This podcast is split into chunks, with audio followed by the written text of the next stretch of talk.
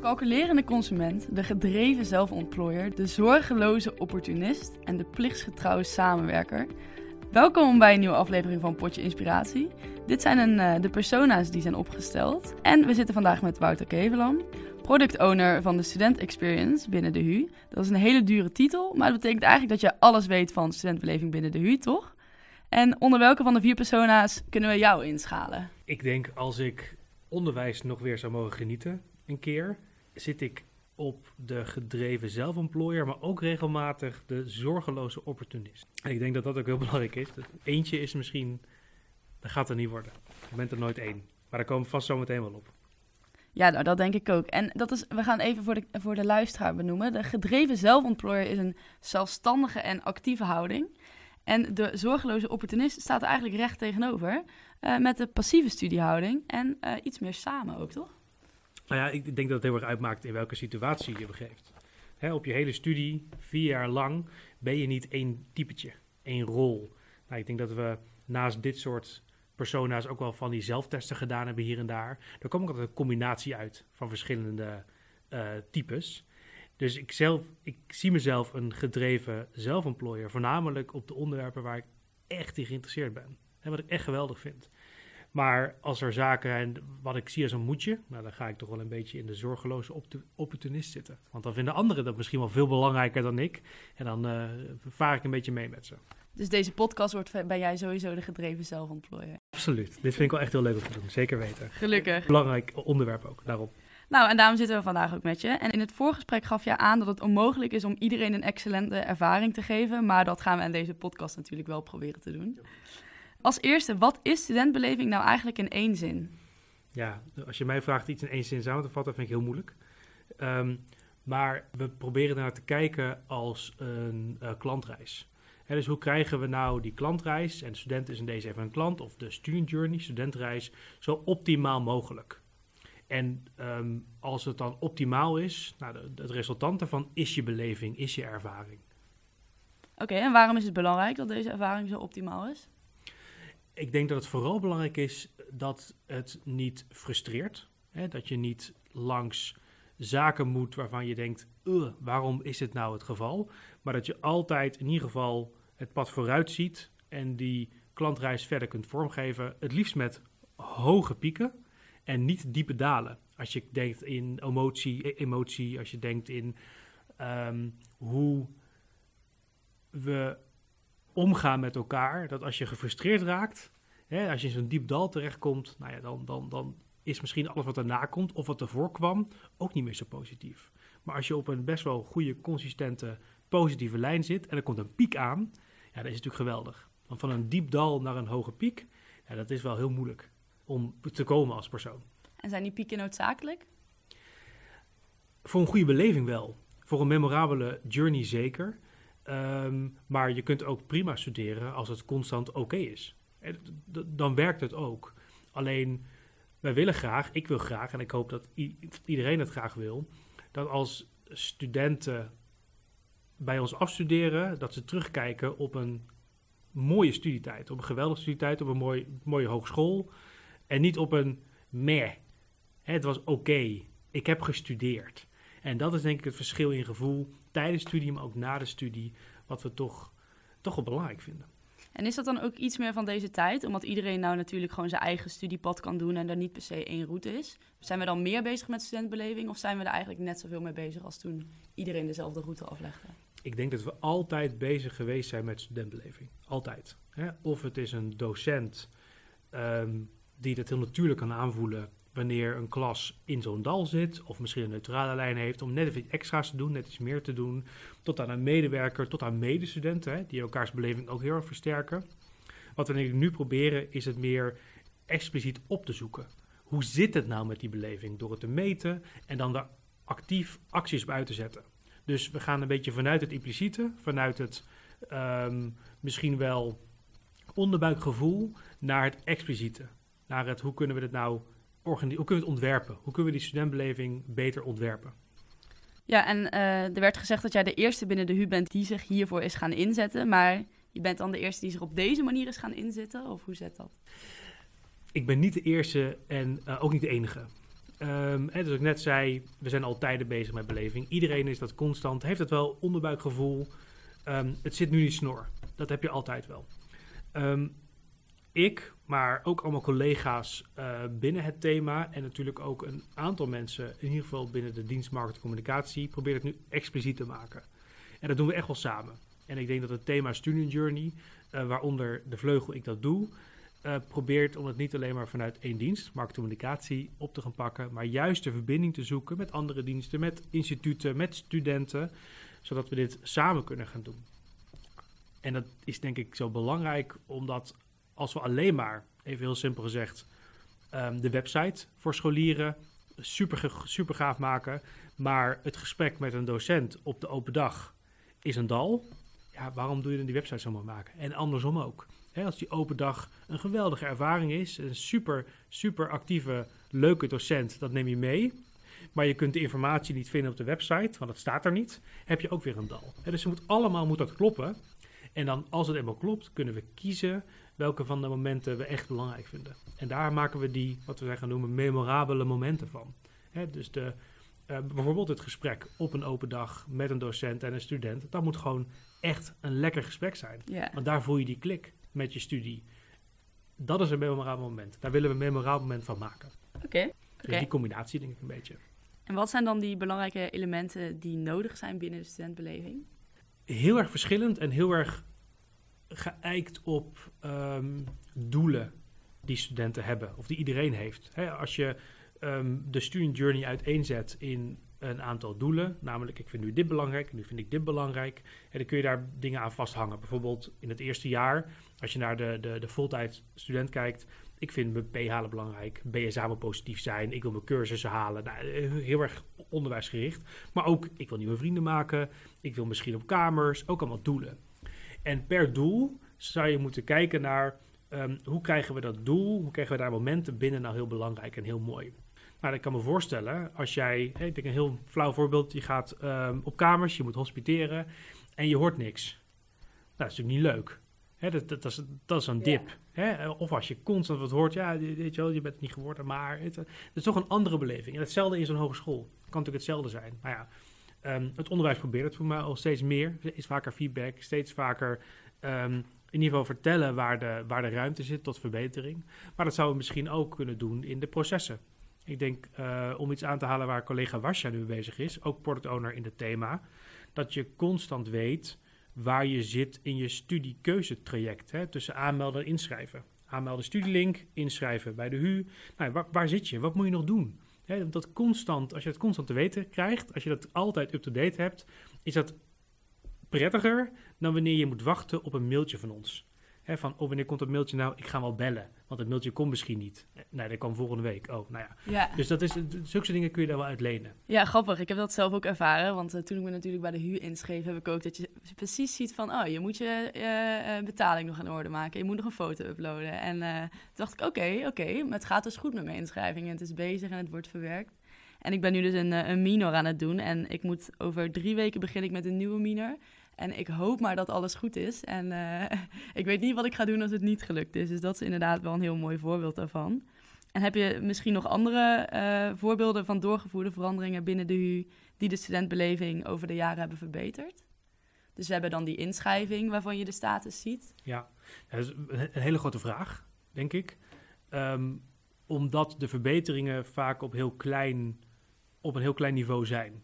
Ja, als we wederom even teruggrijpen naar, naar die doelen die allemaal achter, achter, elkaar zitten. Om zo'n doel te bereiken heb je allemaal uh, momenten waarbij je in aanraking komt met de HU. Uh, touchpoints noemen, noemen we die. Hè? De, de contactmomenten als het ware. Ja, dus de touchpoints zijn de momenten in je studie die belangrijk zijn voor een student. Nee, de, de touchpoints zijn alle momenten dat je in aanraking komt met de HU. Okay. En een aantal daarvan zijn belangrijk. De meeste niet. De meeste zijn prima. Hè, zijn gewoon moeten er zijn, moeten, moeten draaien. Alleen een aantal zijn heel belangrijk en die proberen we vast te pakken. En een van die belangrijke touchpoints is je propedeuse-uitreiking. En of het nou is na een jaar, of na anderhalf jaar, of na twee jaar, of hoeveel tijd je er ook voor nodig hebt. Er zitten regels aan, dat snap ik, maar in ieder geval theoretisch hoeveel tijd je ervoor nodig hebt, is altijd een viermoment. Maar ik weet dat als het binnen een jaar is, wil het heel uitbundig vieren, soms. Ja. Ligt ook heel erg bij opleiding eraan.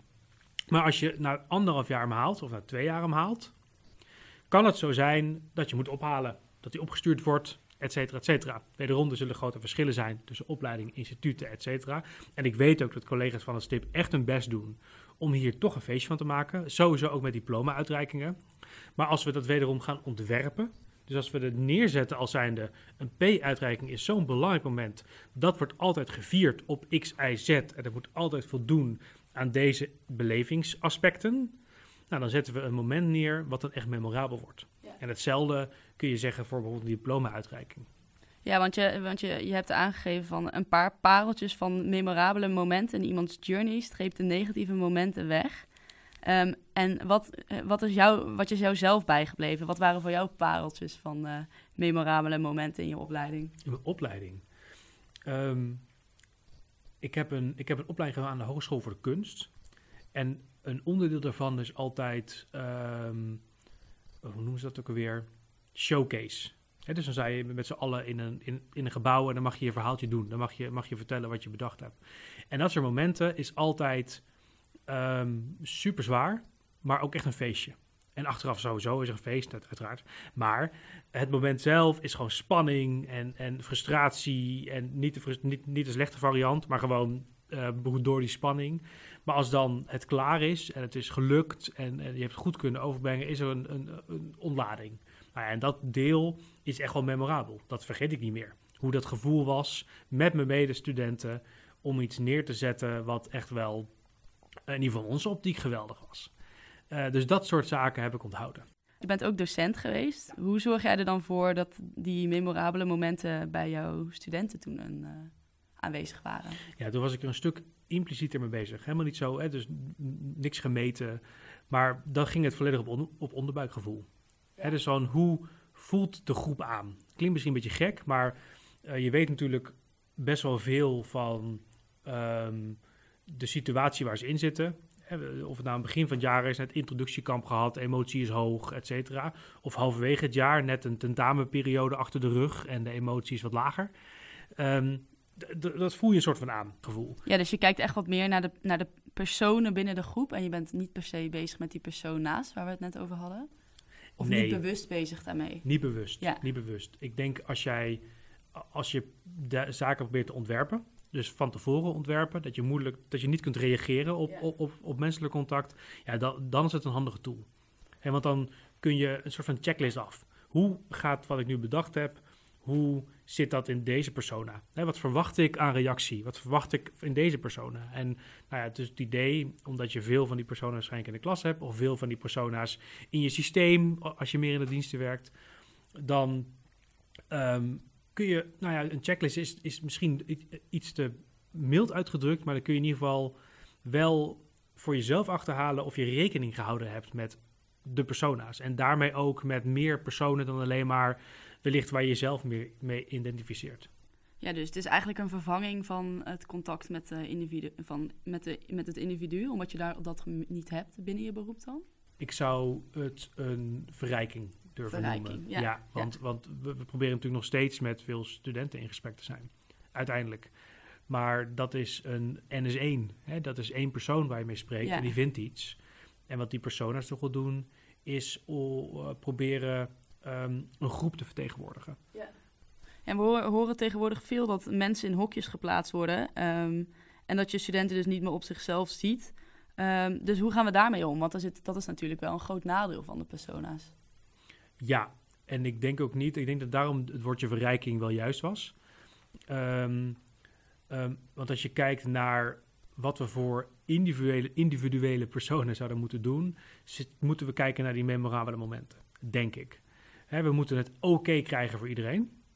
Dat iedereen gewoon kan studeren, kan leren, naar de bibliotheek kan, et cetera, et cetera. Dat moet gewoon voor iedereen oké zijn. Dat is de En dan- randvoorwaarde eigenlijk. Precies, dat Ja. zijn randvoorwaarden. En dan die pieken, die halen we uit die memorabele momenten. En dat mag een stukje persoonlijker. En dan is het ook een stuk minder, ehm, minder werk, simpel gezegd. Om een aantal momenten te kiezen. Daar gaan we op richten en die gaan we geweldig maken. Ik denk dat een P-uitreiking is, een heel mooi voorbeeld. Um, want het is niet allemaal tegelijk. Hè? daar zit heel erg een fasering in. Ik bedoel, de grote groep zal wel tegelijk zijn, maar er zit een fasering in. Nou ja, um, ik kan me ook nog herinneren, om nog even uh, iets mijn eigen verleden aan te halen, het praatje van mijn begeleider van mijn scriptie tijdens het afstuderen. Nou dat onthoud je. Hè? En dat is persoonlijk. En dat haal je wel uit mijn persoonlijke situatie. Dus dat soort dingen, als we dat op de juiste momenten erin houden en misschien op andere momenten erin krijgen, want ik zeg niet dat het niet gebeurt nu, ja, dan kunnen we die, die pieken echt wel creëren op persoonlijk niveau. En dan hoeven we niet um, elk lokaal naar de smaak van een individuele, individuele student te ontwerpen. Nee, dat kan gewoon oké zijn. Ja. Als het maar niet smerig is. Ja. En de stoelen zitten oké. Prima. Um, we gaan even luisteren naar een quote van uh, Roel uit de talkshow. En grappig is, wij kunnen dat heel goed bedenken. Alleen als je zo'n opdracht geeft aan een groep studenten, medewerkers, docenten. En je zegt, leef je nou eens in in een ander. Dan wat er terugkomt, is toch hun eigen behoefte. Oké. En dat vind ik een hele leuke. Dus je vraagt, uh, verplaats je eens in een ander, maar uiteindelijk... Dat is hartstikke moeilijk. Ja. En op het moment dat het spannend wordt, of dat het net anders is dan anders, dan ga je toch weer vanuit je eigen behoefte kijken. En dat vind ik ook een hele mooie waarschuwing ook, ook eigenlijk in dit gesprek, dat uh, je kan je heel goed voornemen van nou, ik ga eens een keer rekening houden met de verschillen tussen studenten. Maar op het moment dat je een beetje onder druk komt, val je terug in je eigen voorkeuren. En ga je vooral kijken naar de wereld vanuit dat wat jij denkt dat nuttig is. Ja. Dus het is juist een extra oproep om dit soort dingen heel bewust en actief in te zetten, omdat je zo makkelijk terugvalt in je eigen behoeften. Ja. Ja, dus we vallen makkelijk terug in onze eigen behoeften, maar hoe ga je er dan wel mee om? En dan heb je die persona's, maar hoe werkt dat dan eigenlijk? Ja, ik denk dat um, Roel het antwoord zelf ook een beetje geeft. En vooral in het einde van zijn, van zijn verhaal. Um, even kijken hoor, en dan probeer ik te citeren. Het is een extra oproep om dit soort dingen heel bewust en actief in te zetten. En ik denk als je kijkt naar hoe wij nu processen vormgeven, um, laten we die gaan ontwerpen met dit als uitgangspunt. Met de studenten als uitgangspunt. En wat minder met onze eigen behoeften als uitgangspunt. Als je daaraan vast probeert te pakken en constant niet je eigen behoeften, maar behoeften van studenten het uitgangspunt laat zijn. En dat betekent dat soms wel dat het voor jezelf ingewikkelder wordt. Dus ik ben het zeker eens met Roel dat als het ingewikkeld wordt, je de neiging hebt om terug te vallen op je eigen behoeften. Maar dan moeten we, denk ik, hè, wat hij zelf ook zegt, heel actief en bewust kijken naar wat wilden we nou bereiken. Hè, wilden we zo'n memorabel moment creëren? Nou, dan moeten we echt wel terug naar die behoeften die we hebben achterhaald van een student. Als je daar constant een checkvraag blijft stellen, al wordt het ingewikkeld, en ik snap dat het niet makkelijk is, snap ik helemaal, um, kun je werken naar die verbetering. Um, maar het is absoluut een valkuil wat die, wat die aandraagt. Um, helemaal omdat behoeften soms heel erg tegenstrijdig zijn als we het net hadden over iets persoonlijk maken voor een student, betekent dat individuele aandacht per student. Weet je wel, of het nou in een systeem zit, of het zit buiten, buiten een systeem. Als je iets persoonlijk kan maken, moet je dat meer opknippen. Um, dat kan tegenover staan, dat kan lijnig tegenover staan, efficiëntie, kostenbesparing. Voor jezelf, hè, voor, als medewerker, het makkelijker maken. Die dingen kunnen tegenover elkaar staan.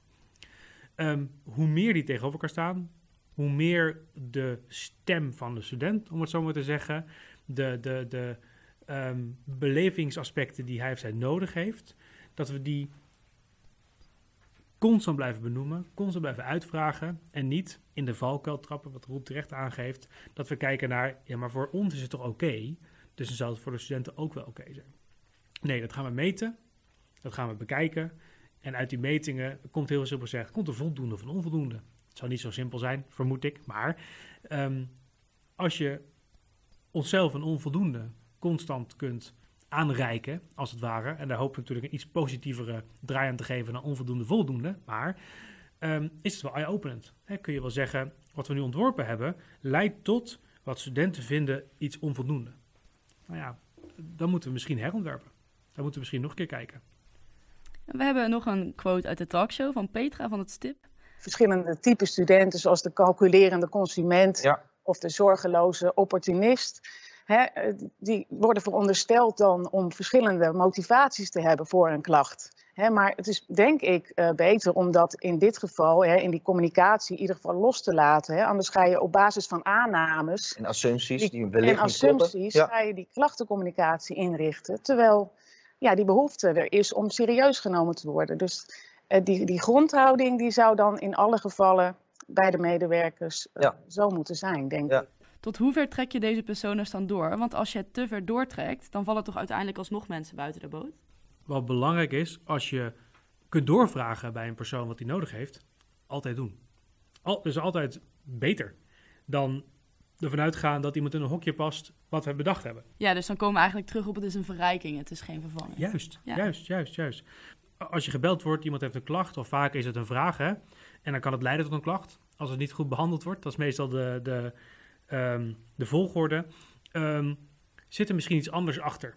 Hè, dus de, ik vraag ehm, wanneer het rooster online staat. Niet omdat ik zo graag wil weten wanneer het rooster is. Nee, dat vind ik eigenlijk niet zo. Nee, ik wil weten wanneer ik mijn bijbaan kan inplannen. dat wil ik eigenlijk weten. Nou ja, en dat zijn natuurlijk heel andere vragen. Want daar heb je helemaal geen rooster voor nodig. Daarvan kun je ook zeggen, wat ik voor mij wel regelmatig gebeurt, ehm, op, op wat ik in ieder geval zelf als ervaring heb, op woensdag eh, zijn er geen lessen, is zelfstudie. Maar ja, dan 1 en 1 is 2. Dan ga ik op woensdag ga ik mijn eh, bijbaan plannen. Hè, dus dat is een andere vraag eigenlijk, doordat de vraag gesteld wordt, wanneer is het rooster nou online? Nou ja, dus, dus als je door kan vragen, is denk ik altijd een goed idee. Altijd goed maar als dat niet kan, als je dus niet in gesprek kunt met iemand en als je een proces moet ontwerpen voor heel veel mensen, nou ja, dan ontkom je bijna niet eraan om dat op te knippen in iets anders dan ehm, individuele mensen. Want dat is gewoon, dat, dat is gewoon te moeilijk. Ja. Daar kom je niet uit. Ja, dus concreet, hoe kunnen mensen van onderwijslogistiek dit nou allemaal inzetten? En wat merk ik als student daar nou van? Kijk, dat zijn hele, twee- inderdaad hele mooie concrete vragen. Ik denk, ehm, ik denk dat het woordje inzetten misschien wel al een verkeerde is. Ehm, want als je iets inzet, ehm, ehm, is, het, is het een soort van op- oplossing of zo. Hè, van ik, ga, ik gebruik dit toeltje en dan gebeurt er iets. Ehm, en dat is denk ik niet helemaal waar. Het is denk ik een palet aan zaken zoals een persona, maar, al, maar ook het doorvragen wat hier meerdere keren staat, maar ook ehm, expert zijn van je vakgebied, dat je weet wat er mogelijk is, wat er niet mogelijk is, al die combinatie van dingen, dus ook persona's, dat zou je moeten inzetten om te komen tot zo'n in ieder geval oké beleving, hè, prima beleving, en het liefst tot die pieken. Dus dat is denk ik de, de beste samenvatting. Gebruik het ook. Gebruik het ook naast een panelgesprek die je hebt. Gebruik het ook naast een persoonlijk gesprek wat je hebt. Nou ja, we zijn op een school met, eh, volgens mij in de uitzending hadden we het over 39.000 zoveel studenten. Ehm, er lopen er best wel wat rond in de kantine, bijvoorbeeld. Nou ja, als je echt even wil weten wat iemand daarvan vindt, is het niet heel moeilijk om dat te vragen. Is het echt niet moeilijk. Eh, er is een drempel, snap ik ook. En ik snap ook dat ehm, niet iedereen lastig gevallen wil worden in zijn lunchpauze.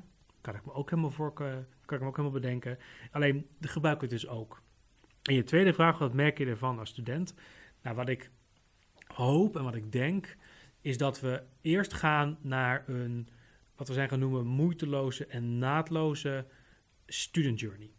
En dat betekent natuurlijk niet dat studeren moeiteloos wordt, want dat zou echt zonde zijn. Dat mag echt wel moeite kosten. Maar alles eromheen mag echt wel moeiteloos en naadloos zijn. En dat je lastig gevallen wordt in je lunchpauze. En dat je lastig valt. Ja, dat, dat is mijn persoonlijke missie. Ja. Om elke student minimaal één keer lastig te vallen in de lunchpauze. Ja, ja, Nou, dus binnenkort dan komen we jou tegen in de lunchpauze. absoluut. Zeker. Absoluut. Was deze podcast voor jou een excellent en memorabel touchpoint in jouw journey? Ik vond het in ieder geval heel leuk om te doen. Gelukkig. Absoluut. Ik vond het leuk om je te, te spreken. Wouter, ik wil je heel erg bedanken voor je tijd. En ik wil de luisteraars bedanken voor het luisteren. De volgende inspiratiebijeenkomst is fysiek met een kerstborrel in Barbeton op 8 december. Zet hem in je agenda. 8 december zien we elkaar. Dan horen jullie ons daarna ook weer met een potje inspiratie. Tot de volgende keer.